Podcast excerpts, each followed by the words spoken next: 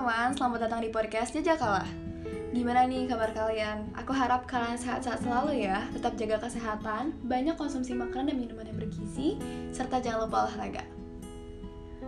Oke, jadi episode pertama ini Aku akan membahas suatu topik yang emang sedang aku rasakan dalam waktu dekat ini.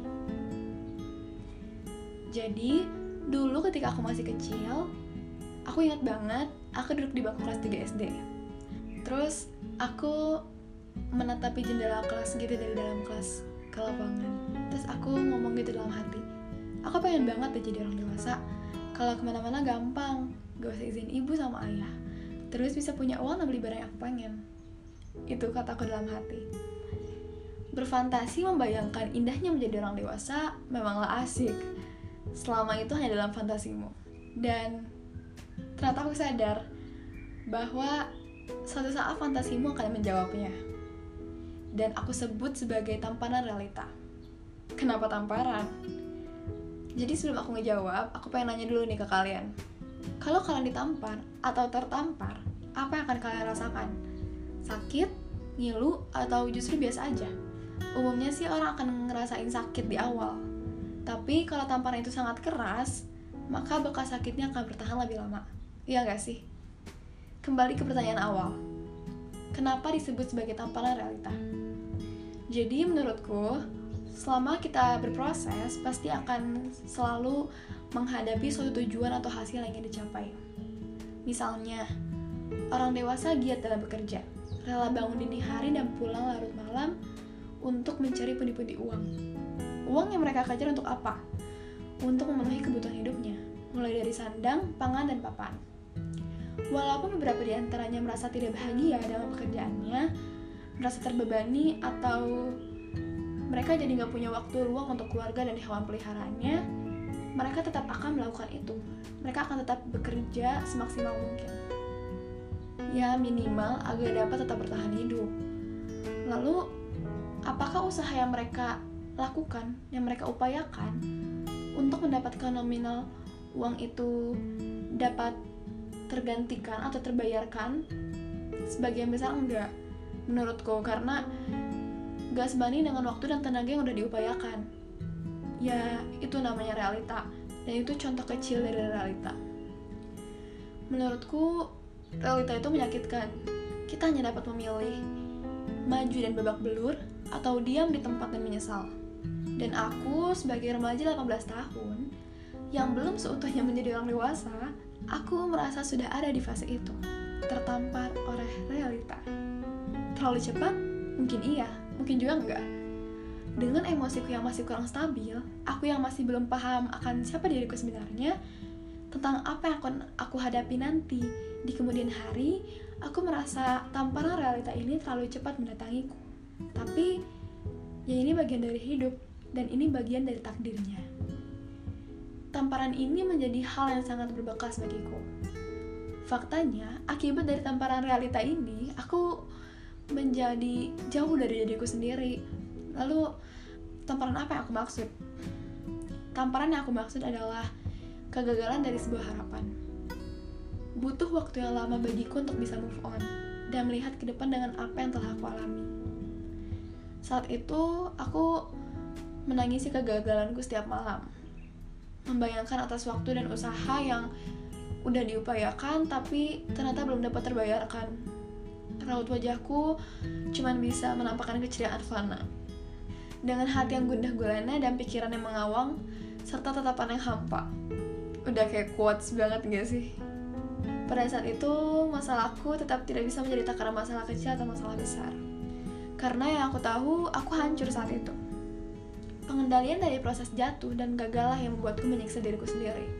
Aku menyalahkan diriku atas segala yang terjadi hingga aku dihadapkan pada realita yaitu aku jatuh sakit dan aku dirawat di rumah sakit selama beberapa hari dan aku sadar pada saat itu bukan diriku saja yang kecewa tapi orang-orang terdekatku khususnya orang tuaku aku berusaha meyakinkan mereka bahwa aku bisa loh gitu. Aku bisa mencapai cita cita-cita mimpi atau ekspektasi yang aku harapkan itu gitu. Tapi ternyata dalam hati diriku tuh nggak pernah merasa yakin dengan apa yang akan terjadi di esok hari. Aku cuma berusaha menenangkan diriku sendiri dan orang di sekitarku padahal itu adalah bentuk penyiksaan diriku sendiri. Karena ya aku menenangkan orang lain tapi diri sendiri nggak tenang gitu kan. Dan benar-benar setiap bangun tidur kayak gak ada alasan untuk aku bangun. Karena ya aku nggak punya motivasi untuk aku bangkit gitu. Aku udah gagal terus untuk apa gitu? Aku melanjutkan ini gitu kan. Aku menjadi seseorang yang mudah takut dan jadi nggak percaya diri aku nggak tahu apakah itu siklus adaptasi dari sebuah kegagalan atau emang ada yang salah gitu sama diri sendiri dan itu semua terjawab ketika aku berkunjung ke tenaga konseling ahli yaitu psikolog. Dan itu amat sangat membantu. Aku menjadi paham akan diriku sendiri. Aku lebih bisa legowo istilahnya. Aku jadi lebih bisa nggak push diri sendiri atau nggak mendorong diri sendiri terlalu kuat atau memaksakan diri sendiri terlalu kuat karena ya itu pertama capek dan sakit juga ya. Kalau udah gagal tuh bener-bener tamparannya itu nyata gitu. Dan aku melupakan sesuatu bahwa aku mempunyai Tuhan. Aku punya Allah subhanahu wa ta'ala. Masalah sebesar dan serumit apa pun pasti Allah akan membantu. Dan masalah emang akan tampak besar di hadapan manusia tapi aku punya Allah yang lebih besar. Dan aku lupa bahwa manusia pertama yang harus disayangi adalah diriku sendiri. Dan aku sadar proses peralihan ini membawaku untuk berusaha menerima dan menyikapi permasalahan. Ya, mungkin di satu sisi aku menjadi tipe yang sangat pemikir dan terlalu banyak pertimbangan. Tapi kegagalan juga lah yang membawaku dan membuatku memiliki tameng untuk bertahan di kehidupan selanjutnya. Dan ya, itu dalam benakku. Aku juga menjadi paham akan makna dari kerja keras dan usaha menghargai waktu, dan mulai berbenah diri. Karena bukan rumah aja kan harus dibenah, diri sendiri juga perlu dibenah.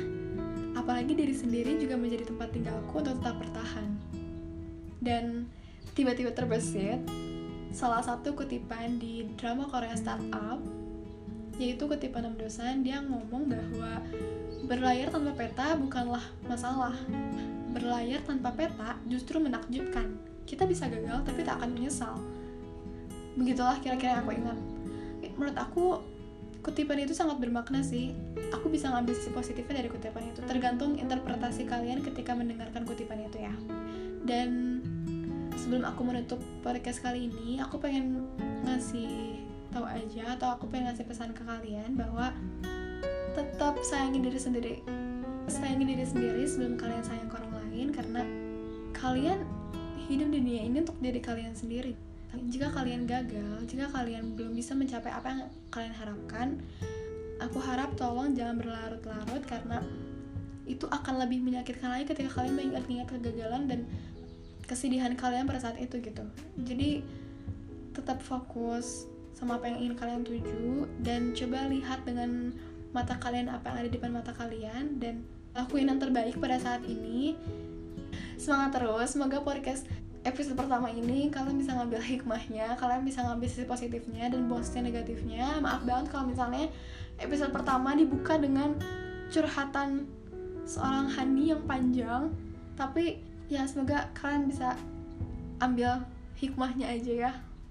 Itu aja sih dari aku. Tetap semangat terus ya semuanya. Bye have a nice day everyone